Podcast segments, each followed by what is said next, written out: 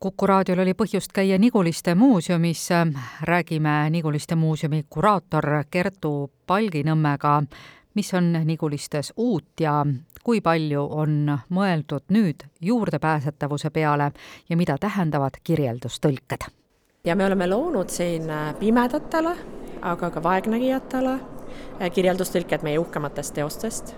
me oleme loonud kurtidele Äh, ja, ja vaegkuuljatele sellised äh, viipekeelsed tõlked, selles mõttes, et vaegkuulja saab seda kasutada sellepärast, et seal on ka subtiitrid antud nii-öelda nende, nende videode juurde.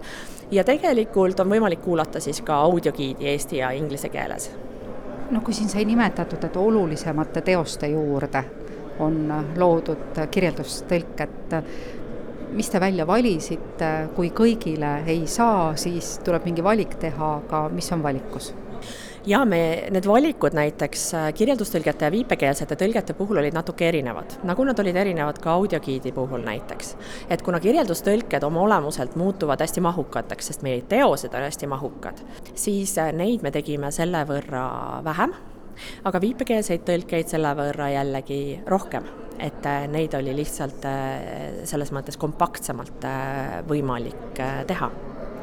kes kirjutab valmis ühe kirjeldustõlke, sest teadmised peavad olema nii ajaloost, kunstist, aga ka sellest, kuidas rääkida inimesele teosest, kes ei näe kõikide nende meeskondade juurde kuulusid eksperdid, erinevad eksperdid. Nende juurde kuulusid viipekeelsed tõlgid, kirjeldustõlgid ähm, ja samuti ka siis ähm, kogukondade esindajad ja me ise andsime oma panuse oma kunstiajaloolase äh, as-, aspektist. kas neile inimestele, kellel ei ole ühtki puuet, on audiogiidi osas ka midagi muutunud? Tegelikult ju Niguliste muuseumil audiogiidi ei olnud ja mida tahaks eraldi rõhutada, on see, et kirjeldustõlked ja audiogiid on leitavad samast seadmest. ehk siis absoluutselt kõik, kas ta on näiteks pime vaegnägija või nägija, tegelikult saab kasutada seda. ja see võib olla hariduslikult huvitav kõigile ja selle saab tegelikult internetist igaüks äh, võtta ka nii, et ta saab kodust näiteks läbi kuulata ja siis tulla kohale või samaaegselt siin olles kuulata olles teinud niivõrd suure töö, leidsime me, et see peaks olema äh, saadaval nii enne külaskäiku kui ka pärast külaskäiku, kogu aeg tegelikult, sest et see motiveerib külastama, korduvkülastama näiteks ja tegelikult on võimalik äh, seda infot kasutada ka hariduslikel eesmärkidel. no sellised iidsed ehitised, äh, kui palju on võimalik teha erinevaid ümberehitisi, et inimene ka ligi pääseks, kellele see liikumine ei ole kõige kergem ka selles vallas on Niguliste teinud hästi palju tööd, et meie eh, ruumid oleks ratastooliga ligipääsetavad, see on olnud pärast eh, torni rekonstrueerimist ja lifti ehitust üks väga suur eesmärk, et eh, liftiga saaks sõita ka ratastooliga liikleja, nii et ka selles vallas tegelikult on, on tehtud tööd. Ja saab torni liftiga? saab torni liftiga ja saab kuulata kõiki kirjeldustõlkeid, viipekeelseid tõlkeid ja audiogiidi aga kui me saame nüüd rääkida ka inimesega, kes on ise, ma saan aru, olnud ka selle kõige loomise juures, Jakob Rosin ulatas teile ka abikäe jaa, tema on pimedate kogukonna esindaja, et, et selles mõttes see terminoloogiline täpsus on ka oluline, et on pimedad ja vaegnägijad, on kurdid ja, ja vaegkuuljad, eks ole, ja me oleme proovinud olla kõigi jaoks justkui nagu mingil tasandil olemas. et tema oli meie pimedate esindaja ja ekspert, kes siis aitas meil neid kirjeldustõlkeid äh, teha. aitäh ja kuulame, mis Jakobil ka öelda on. Jakob, millist abi sinult paluti?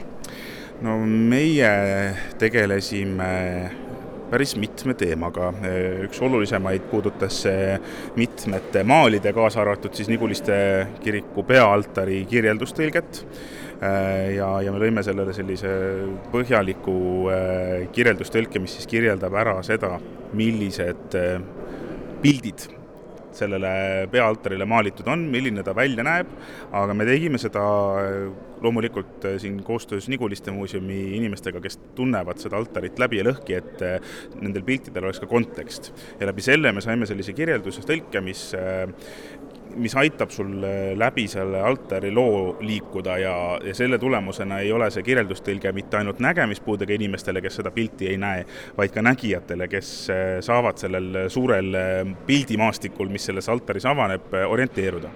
ja teine suur oluline teema, millega me tegelesime, oli siis luua liikumisjuhised Niguliste muuseumile, et nägemispuudega inimesed, kes siia muuseumisse tulevad, saaksid siis äh, nii-öelda osa äh,, saaksid iseseisvalt siia kohale tulla. Nad saaksid äh, jõuda muuseumini, nad saaksid siin muuseumis ringi liikuda, orienteeruda ja see liikumisjuhis tähendab siis seda, et me väga detailselt niimoodi kirjeldame seda äh,, mis äh,, mis elemendid siin ruumis on ja kuidas nende vahel orienteeruda ja kuidas jõuda järgmisesse nii-öelda punkti või järgmise maalini millised on sinu kogemused mujalt maailmast muuseumitega? kuivõrd on mõeldud selle peale, et et äh, kuidas pääseda ligi, kuidas äh, aru saada, kirjeldustõlked ja muu seesugune? eks ligipääsetavus äh, igal pool aina areneb, välismaa, välismaa muuseumites on kindlasti näiteid, kus ligipääsetavus on juba ammusest ajast olemas olnud ja seda on rohkem kasutatud ja seda võib-olla niimoodi läbi kõikide puuete või erivajaduste, kus on siis arvestatud nii liikumispuudega inimeste, kuulmispuudega inimeste, nägemispuudega inimeste vajadustega.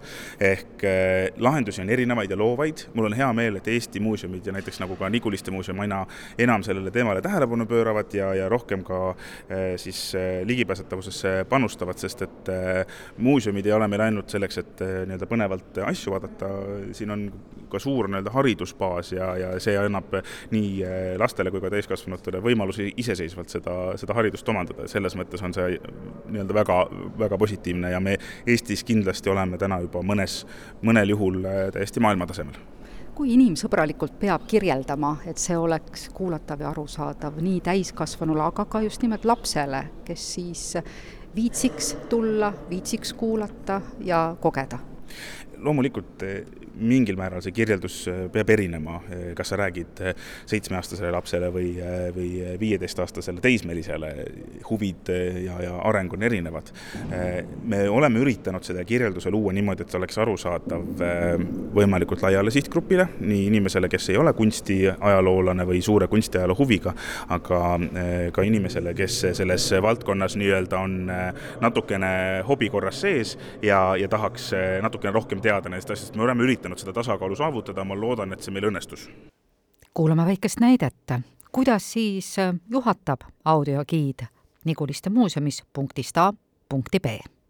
Maarja altari retaabli juurest Niguliste kiriku peaaltari retaabli juurde liikumine.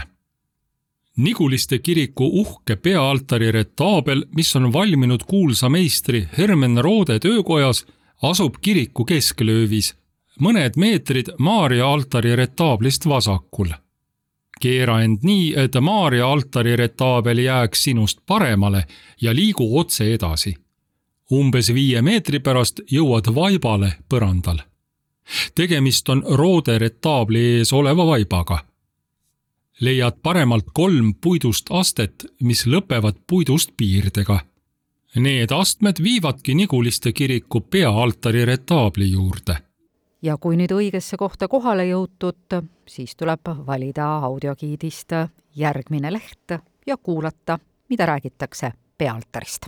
Lübecki meistri Hermen Roode töökoda tuhat nelisada seitsekümmend kaheksa kuni tuhat nelisada kaheksakümmend üks. Eesti Kunstimuuseum. avatud, kõige pidulikum vaade.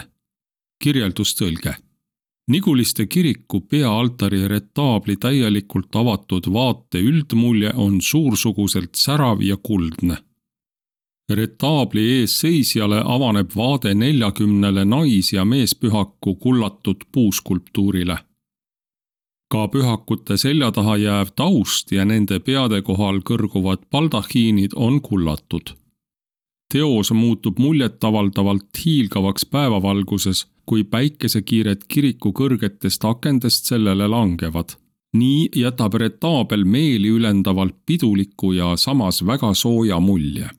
kirjeldustõlge loomulikult jätkub, aga kel huvi, käige Niguliste muuseumis ära ja kuulake kirjeldustõlkeid kas koha peal või juba varem kodus, sest need on mahukad, pikad ja väga huvitavad. nii et läbi Youtube'i on Niguliste muuseumi kirjeldustõlked kõik ka saadaval